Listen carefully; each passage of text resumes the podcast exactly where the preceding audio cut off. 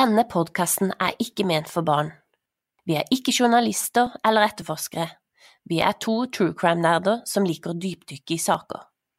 Det du vil få høre er vår gjenfortelling av saker fra virkeligheten. Vi vil også diskutere, analysere og prate rundt sakene. Vi håper at dere vil dele innspill med oss på vår Facebook-gruppe og på Instagram. Link ligger i beskrivelsen til denne episoden. Enjoy!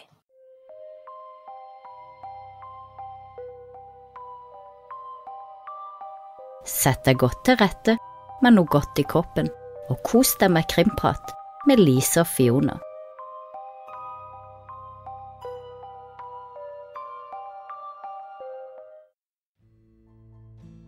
Hei, og velkommen til den aller første episoden av Krimprat med Lise og Fiona. Mitt navn er Lise, og jeg har drevet Mord- og mysteriepodden i snart tre år, men jeg har nå hatt en lengre pause av personlige årsaker. Men nå er jeg tilbake i nytt format, og med min nye partner in crime, Fiona. Vi gleder oss til å dykke ned i kjente og ukjente krimsaker og mysterier i sammen med dere herlige lyttere. Før jeg lar Fiona introdusere seg sjøl, så vil jeg bare informere om at den nye, kule logoen vår er laga av Lisen Vennesland. Hun finner du på Instagram under navnet lisen-vennesland. Der kan du se flere av hos sine flotte illustrasjoner, og ikke minst er hun morsom, men fantastisk humor i mange av sine illustrasjoner. Vi legger en link til sida hos i i beskrivelsen under. Da, Fiona, kan du få lov å introdusere deg sjøl. Hei, hei! Ja, takk for det, Lise. Hei, hei. Eh, så gøy at du vil ha meg med på pod. Dette har jeg drømt om lenge, vet du. Jeg kan jo fortelle litt om eh, meg sjøl. Har jo alltid interessert meg for krim fra Nancy Drew og Agatha Christie og til true crime, som jeg har vært fascinert av ja, siden det ble tilgjengelig på TV og nett, egentlig. Ellers er jeg utdanna klesdesigner og lærer, og så har jeg tatt en bachelor i filosofi. Jobba som fotograf, og så har jeg vært musiker i mange år, så jeg litt av hvert, da. Så er det gøy å prøve pod. Mm, for du har jo vært på Urørt på NRK, du. Jo, jeg har gjort litt av hvert. eh, Holdt vel på i 15 år med musikk. Så eh, det var livet det før. Så nå er det litt andre ting. Og vi kjenner jo hverandre gjennom poker. Mm, det gjør vi. Så eh, den interessen som vi deler, det er jo sånn å lese kroppsspråket til andre, se på oppførsel og språket. Hvorfor gjør vi som vi gjør? ikke sant? Når folk lyver. Ja. Ikke sant? I poker så gjelder det å se om folk bløffer eller snakker sant. Så eh, det henger jo litt sammen, da. Det gjør jo det. Det er jo mye psykologi. Men eh, absolutt. Jeg lurer på hva du har i koppen. Jo, i dag så har jeg cappuccino, faktisk. Eller som vanlig. I dag har jeg bare én sukkerbit, for jeg prøver å trappe ned fra to til én sukkerbiter. Så bra. Jeg har også Jeg har faktisk vann i Du har vann i koppen. Det var litt kjedelig. Før du heller kokende vann i koppen, så pass på at ikke du søler ut på kroppen. Det var det som skjedde med meg. Ja, det stemmer det. Du hadde et lite uhell her for et par uker siden. Ja, det var på en måte et lite uhell, men det endte jo med at jeg måtte eh, dra på legevakten og til kirurgen og andregrads eh, forbrenning på foten, da, som gjorde at jeg ikke kunne gå. Ikke kunne gå ordentlig på over en uke. Så nei, det var vann i koppen. jeg er livredd for kokende vann. Uff. Ja. Det var den koppen med te. Nei da, det var en kopp med buljong, da, men jo da, jeg drikker jo cappuccino, jeg òg. Ja, det er godt. Men denne saken her, da, eh, den ble jeg veldig hekta på når jeg bodde i New York. Det var vel rundt 2006, 2006 tror jeg. Og da, det var da man kunne bestille CD-er gjennom Netflix, så fikk du det i postkassa. Da fikk jeg The Staircase Murders da, i postkassa, og det var jo kjempespennende. Og det er jo spennende, for det er jo den aller første saken vi skal starte med her. Eh, Og jeg tipper at de aller fleste lytterne våre er kjent med denne saken, nemlig Michael Peterson og det mystiske dødsfallet på kona hans, Kathleen Peterson. Og flere av dere har jo sikkert sett Netflix-dokumentaren The Staircase. Og denne saken den splitter jo ennå folk i to leirer. Det er de som mener Michael er uskyldig, og de som mener Michael er skyldig. Og for mange så er jo saken enda et mysterium, da det ikke er noen bevis som klart og tydelig gir et sikkert svar på hva det var som skjedde den fatale kvelden i 2001, bare to uker før selveste julaften. Og i denne episoden så skal Fiona gi oss en gjennomgang av saken, alt som har skjedd og hvor saken står i dag. Og i neste episode så går vi dypere inn på bevisene i sakene. Hva er det som splitter folk, og hvilke momenter er det vi mener kan si noe om hva som skjedde den kvelden Kathleen døde. Det blir en analysering av nødsamtalen til Michael Peterson og andre uttalelser som han har kommet med i intervjuer og dokumentarer, og ting som vi mener kanskje kan fortelle oss hva som faktisk skjedde. Da kjører vi. Her er historien om Michael Peterson og dødsfallet på hans kone Kathleen.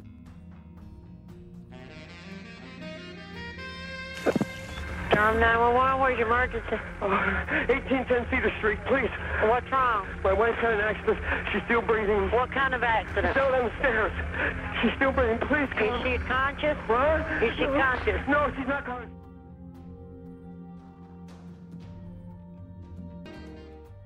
Eh, Kathleen Peterson var en kvinne som har jobba hardt for å oppnå den suksessen som hun hadde. Hun fikk toppkarakterer på high school og uteksaminerte som første kvinne på sivilingeniørstudiet på Duke University. Hun gifta seg med Fred Atwater i 1977 og fikk sin datter Kathleen Atwater. Eh, Hun fikk etter hvert en lederjobb på Nortel Network og fikk mye respekt for sin måte å lede på. Hun har engasjert seg i dans og i kunst. Eh, I 1985 så skilte hun seg fra Fred, og i 1996 så møtte hun Michael Peterson. Michael han var en vellykka forfatter og en krigsveteran. Eh, Han var i marinen, og han kom hjem i eh, 1971, og da ble han hylla for sitt lederskap, både i marinen og på universitetet. Og i 1983 så ga han ut sin første bok basert på sine militærerfaringer. Immortal Dragon heter første boka. I 1992 så møtte de to i nabolaget. Av venner så ble de beskrevet som det perfekte paret. Michael kjøpte en gigantisk villa med 14 rom, og det er en rosehage som har vunnet premier, svært svømmebasseng på utsida. Eh, Skikkelig flott eh, villa. Um, og der ble det holdt masse middagsfester og cocktailparties, med gjerne opptil 60 gjester. De var i sentrum i nærmiljøet og veldig populære blant naboer. I 1999 så var Michael Pitson på topp, og da tenkte han at han ville bli ordfører. Og i valgkampen så kom det frem en løgn da, som ramma han hardt. Han gikk ut og sa at han hadde en krigs, krigsskade, og det viste seg til å være fra en bilulykke. Altså ikke en krigsskade, så det var noe han fant på. Og den løgnen den kom jo frem, og da begynte folk å tvile på han, og han mista respekten. Han tapte altså valgkampen. Og likevel så prøver han seg på nytt eh, på to år etter. Da vil han eh, inn i bystyret. Også der så feiler han, da. Økonomien den gikk dårligere og dårligere, og de fikk problemer med å betale alle regningene. Det er jo ganske dyrt å bo i et sånt stort hus, og hvis det er noe der som går feil, så er reparasjonene til mange titalls tusen. Så det her perfekte livet fikk jo etter hvert sprekker. Men likevel så beskriver både barn og naboer og andre rundt at eh, de ser ut som et kjærlig par da, som støtter og elsker hverandre. Så hvem var i denne familien? Michael og Kathleen hadde begge vært gift før. Kathleen hadde en datter, og Michael Peterson hadde guttene Todd og Clayton fra et forhold med Patricia Peterson. De bodde flere år i Tyskland, der hun underviste på Forsvarets departement, Forsvarsdepartementets barneskole. Og i den perioden så adopterte Patty og Michael to jenter, eh, Martha og Margaret. Og de ble adoptert fra et vennepar da, som døde mens de bodde i Tyskland. Og det hele virker som en idyll der alle kom godt overens. Eh, Martha og Margaret de refererer til Kathleen som mom, og deres virkelige mor, som var i Tyskland, som birth mom. Jeg er litt eh, usikker på alles alder når Kathleen dør, men de, hun, hun, Kathleen er 48 år når hun blir funnet død. Eh, Todd han mener jeg er 25, eh, og alle er jo på en måte unge voksne da. Eh, og jeg tror ingen bor hjemme, men de bor nok på ulike universiteter, og så kommer de hjem i helger og ferier og sånn. Da skal vi se litt på tidslinja. Eh, vi begynner på lørdag 8. desember. Da bestemmer Michael og Kathleen seg for å leie en film. De koser seg hjemme med mat og vin. Eh, og de leier seg American Sweethearts. Eh, Michael Peterson han beskriver at de to de sitter og ser film, de prater sammen. De går ut på balkongen, prater mer, går ned med svømmebassenget. Og så går Kathleen inn for å ha en jobbsamtale dagen etter. Og det er klokka ca. kvart på ett på natta. Eh, Michael Peterson sier han blir sittende ute litt lenger, ca. til eh, 2.30 ca. Eh, og da går han inn igjen, og da finner han sin kone da på bunnen av trappa. Kathleen and I were in here watching a movie. I'd gone to Blockbusters and rented a video, and we were watching American Sweethearts. And I think it was probably around 11 o'clock that the, uh, the movie ended. And then what we would usually do on a nice night, we would go down to the pool, which I always, you know, think is about the nicest place on the property.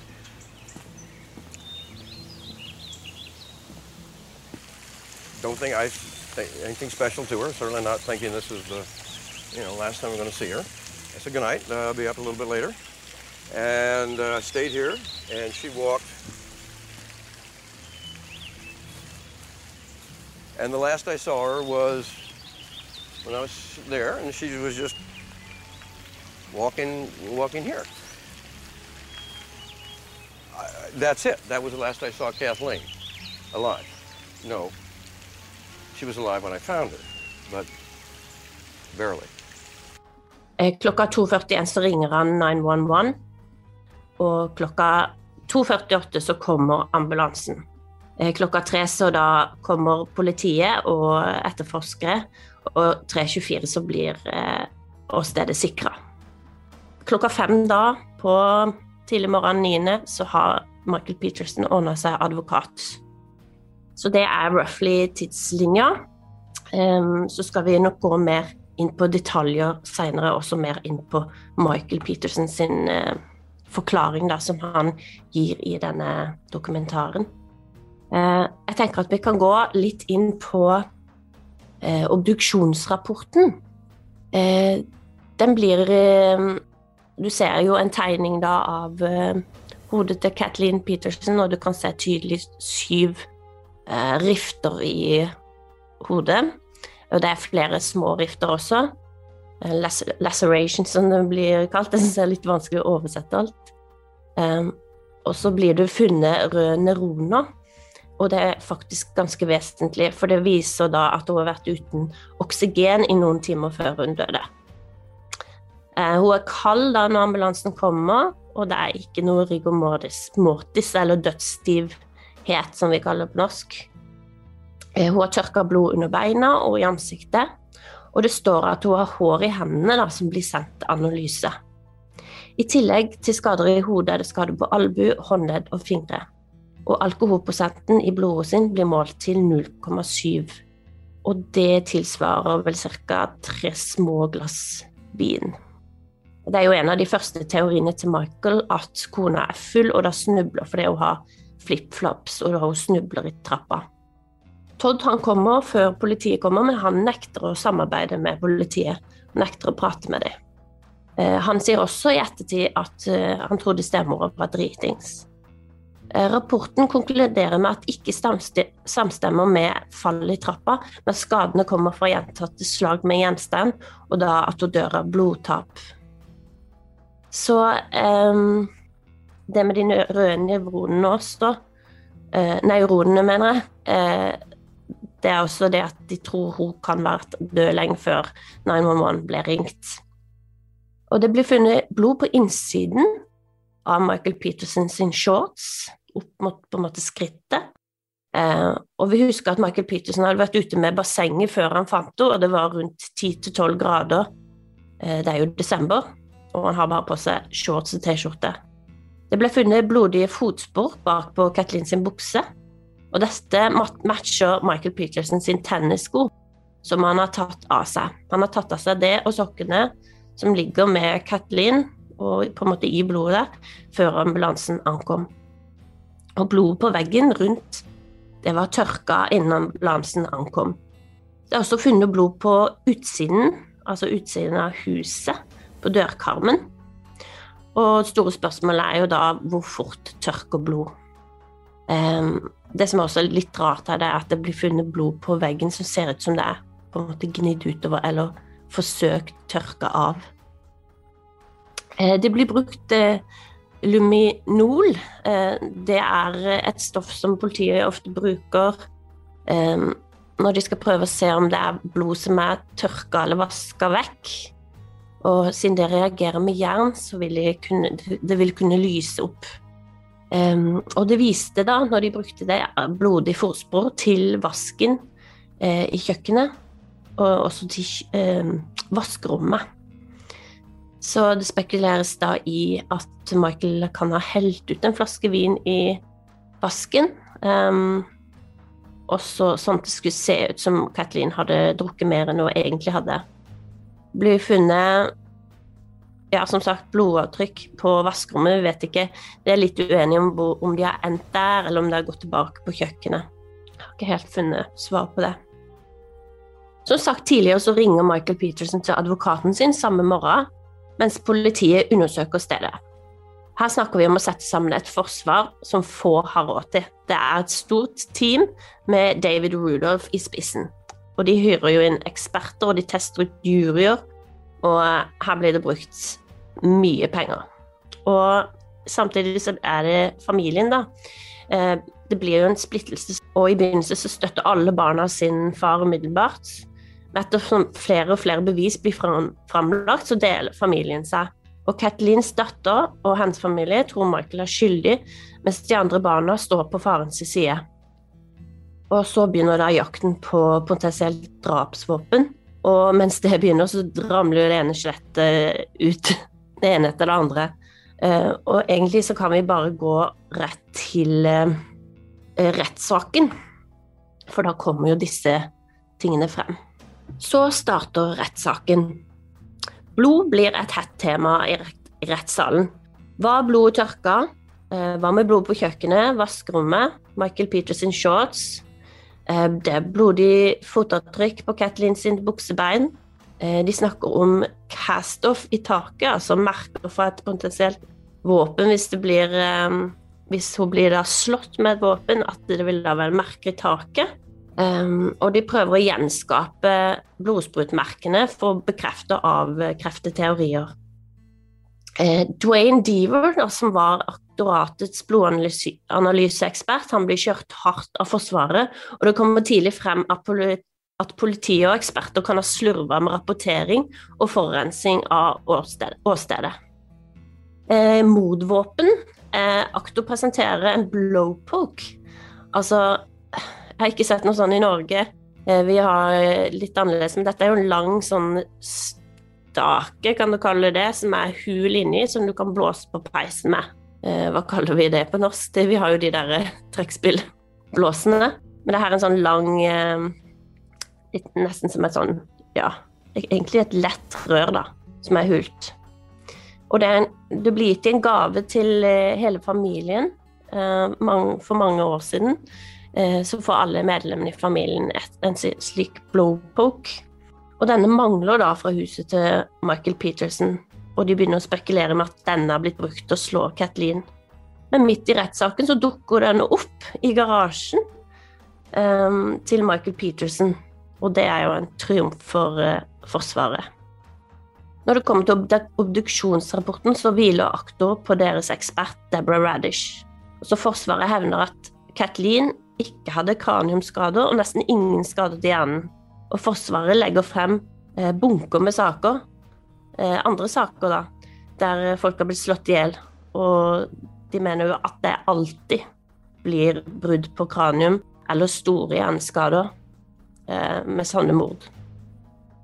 Så er det motivet, da. Hva kan motivet til Michael Peterson være? Og det er da Brad blir kalt til vitneboksen. Og her får faktisk rettssalen eh, de får ledd litt. For Brad han er den mannlige eskorten som Michael Peterson hadde kontakt med. Og han forteller at han gjorde 'everything under the sun'. Altså her snakker de om sex. Og 'safely I made my ad'. Og da ler jo egentlig alle. Og så begynner han å si at de tok høye priser og hadde både leger og advokater, og til og med en dommer. Og alle ler, og dommeren utbryter 'not this judge'. Okay, tell us please, when you say a male for male escort site, uh, what types of services did you perform? Basically, it's uh, uh, companionship uh, for other males of legal age. All right. Um, and did that involve sexual activities? Uh, sometimes it does. Okay, what types of sexual activities, sir? Oh, just about anything under the sun. Uh, um, I mean, I don't know exactly how much the court wants me to go into detail, but uh, Okay, well, it would be The a, court just wants you to answer the question. that's my answer. What, just did about you- anything under the sun. Yes, ma'am. Okay. Safely, Um, safely, I might add. Was that an unusual occurrence for you to have or plan to have sexual relations with married men? To the contrary, I mean, married men are in the majority of most of the clients that I saw when I was an escort. With regard to the kinds of men that you tended to have escort relationships with, can you give us some indication of their professions, for example? Sure. Usually they're, they are professionals because my fees were quite high. Um, I saw doctors, attorneys, uh, one judge.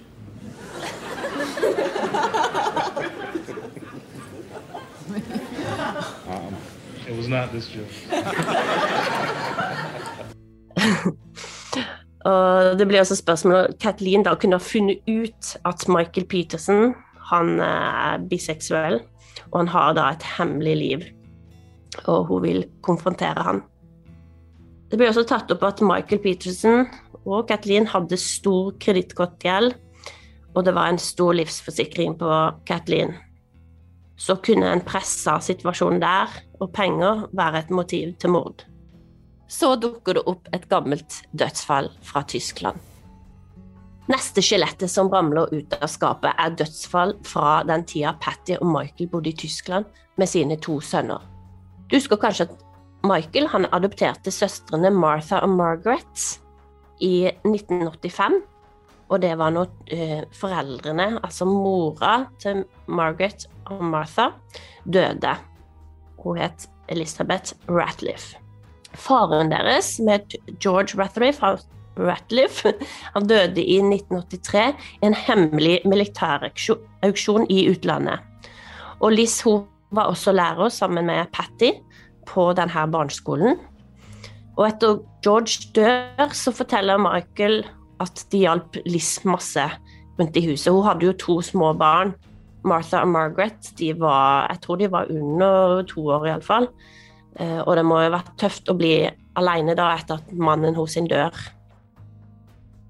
Den fatale dagen så har familien spist middag sammen med Liz og jentene. Og Michael Peterson han blir igjen for å hjelpe Liz med oppvasken og sånne ting.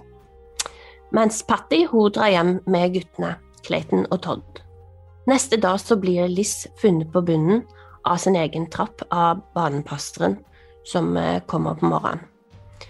Eh, Jentene de ligger fremdeles og sover i senga og beskriver at det er mye blod på åstedet. Da Patty, som også ankommer åstedet eh, ikke lenge etter, hun beskriver at det nesten ikke er blod. Og dette, her, dette dødsfallet blir rapportert da i Tyskland som en hjerneblødning. Dette død- dødsfallet i Tyskland blir nå et tema i retten. Og Barbara, barnepasseren, hun vitner om mye blod når Elisabeth Ratliff blir funnet på bunnen av trappa. En venninne av Liss kommer også til åstedet. Hun vitner også i retten om mye blod. Eh, Hun sier også at hun har fått flashback senere om å huske flere og flere ting om det drapet. Hun mente da at 'this is a crime scene', sier hun da. Ehm, jeg er litt usikker på når denne ambulansen kommer, men eh, barnepassen det løper da og henter Michael, og det virker som han er der før legen eller ambulansen kommer. Og det er mye kaos på stedet. Det er mye folk ehm, som er der til stede, altså venner. Det her var jo tre stykker som vitner i retten om at de var på stedet, i tillegg til Michael og Patty, mens Liz ligger der. Og det ble sagt at eh, Liz hadde en hodepine uka før, og det er derfor de også mener at eh, dødsårsaken kan være slag eller hjerneblødning. Patty som sier som sagt at det ikke, nesten ikke var noe blod, det samme sier eh, Peterson, og i rapporten står at det kun var blod rundt hodet. Kroppen da til eh, Elizabeth Ratliff blir jo frakta fra Tyskland til Texas, og det er Deborah Radish som eh, obduserte Kathleen. Det er hun som også obduserer Elisabeth. Og hun påstår jo at dette er et mord. Altså ikke resulterer av Dette er ikke resultatet av en hjerneblødning. Og Forsvaret sier at teorien til Akto ikke stemmer, fordi at rigor mortis, dødsstivheten, den hadde jo ikke slått inn. Altså, hun kan jo ikke ha dødd kvelden før. Så kommer kjennelsen, og juryen mener at Michael Peterson han er skyldig i å ha drept Kathleen Peterson 9. desember 2001. Og så går jo tida, og de anker jo selvfølgelig eh, mye greier. Men 15 år etter så kommer opplysninger som gir Michael Peterson nytt håp. Jeg husker kanskje blodanalyseeksperten Dwayne Weaver, eh, han som vitna mot Michael Peterson. Det viste seg at han har gitt feiltolkninger i minst tre andre drapssaker, hvor hans resultater har tatt avgjørende betydning for utfallet. Annet ble Greg Taylor sluppet ut etter 17 års fengsel, og da var det klart at han hadde blitt uskyldig dømt. Så disse skandalene til Duane, Dwayne, de eh, når jo selvfølgelig eh, forsvaret til Michael Peterson, og eh, nå tenker de at de har en sjanse til å få Michael Peterson fri. Så det er jo det at de må påvente en ny rettssak, og da slipper Michael Peterson Han blir eh, eh, sluppet hjem igjen. Han må betale 300 000 amerikanske dollar i kausjon. Eh, og så må han leve i husarrest da, mens de forbereder seg. Og så, eh, på fjerde, 24. februar 2017, så inngår Peterson en Alford plea. Og det er på en måte at du sier at du er skyldig, samtidig som du ikke sier at du er skyldig. Du innrømmer skyld for å slippe ut, for han har sona så mange år i fengsel um, at han nå kan slippe fri. Så han tror faktisk at hvis han går gjennom en ny rettssak, så kan han bli dømt på nytt, og derfor så inngår denne Alford plea. Så han er da ute av fengsel. Det var historien om Michael Peterson og Kathleen sitt dødsfall, og det er jo ingen tvil om at historien er et mysterium som fenger. Eh, selv så mange år etterpå, og ja, selv om mange kanskje mener at man har et svar, da. Vi håper dere likte det dere hørte, og er tilbake med oss i neste episode. Det blir jo mye mer spennende når vi går litt i dybden på ting. Ja, og så det må bare ta det med ro her, ikke ta helt av, fordi at du skal få høre mye mer av den deilige sørlandsstemmen til Lise i neste episode. Jeg lover. Det er godt. Så det ble litt mye mer som fortalte nå, men eh, vi måtte ha en recap på det historien for de som ja, har glemt den litt eller ikke har hørt den før. Ja. Og så må dere gjerne følge oss på Facebook og Instagram og hive dere med i diskusjonen i vår Facebook-gruppe. Da er vi tilbake neste uke med andre episode, hvor vi da går mer i dybden på Michael Peterson og selve kjernen i saken. Takk for i dag. Ha det!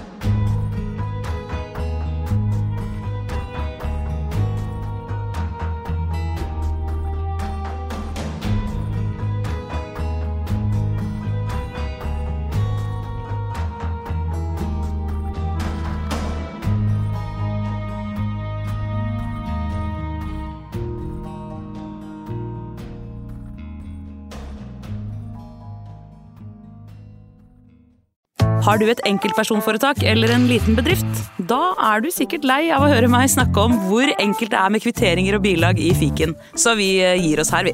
Fordi vi liker enkelt. Fiken superenkelt regnskap.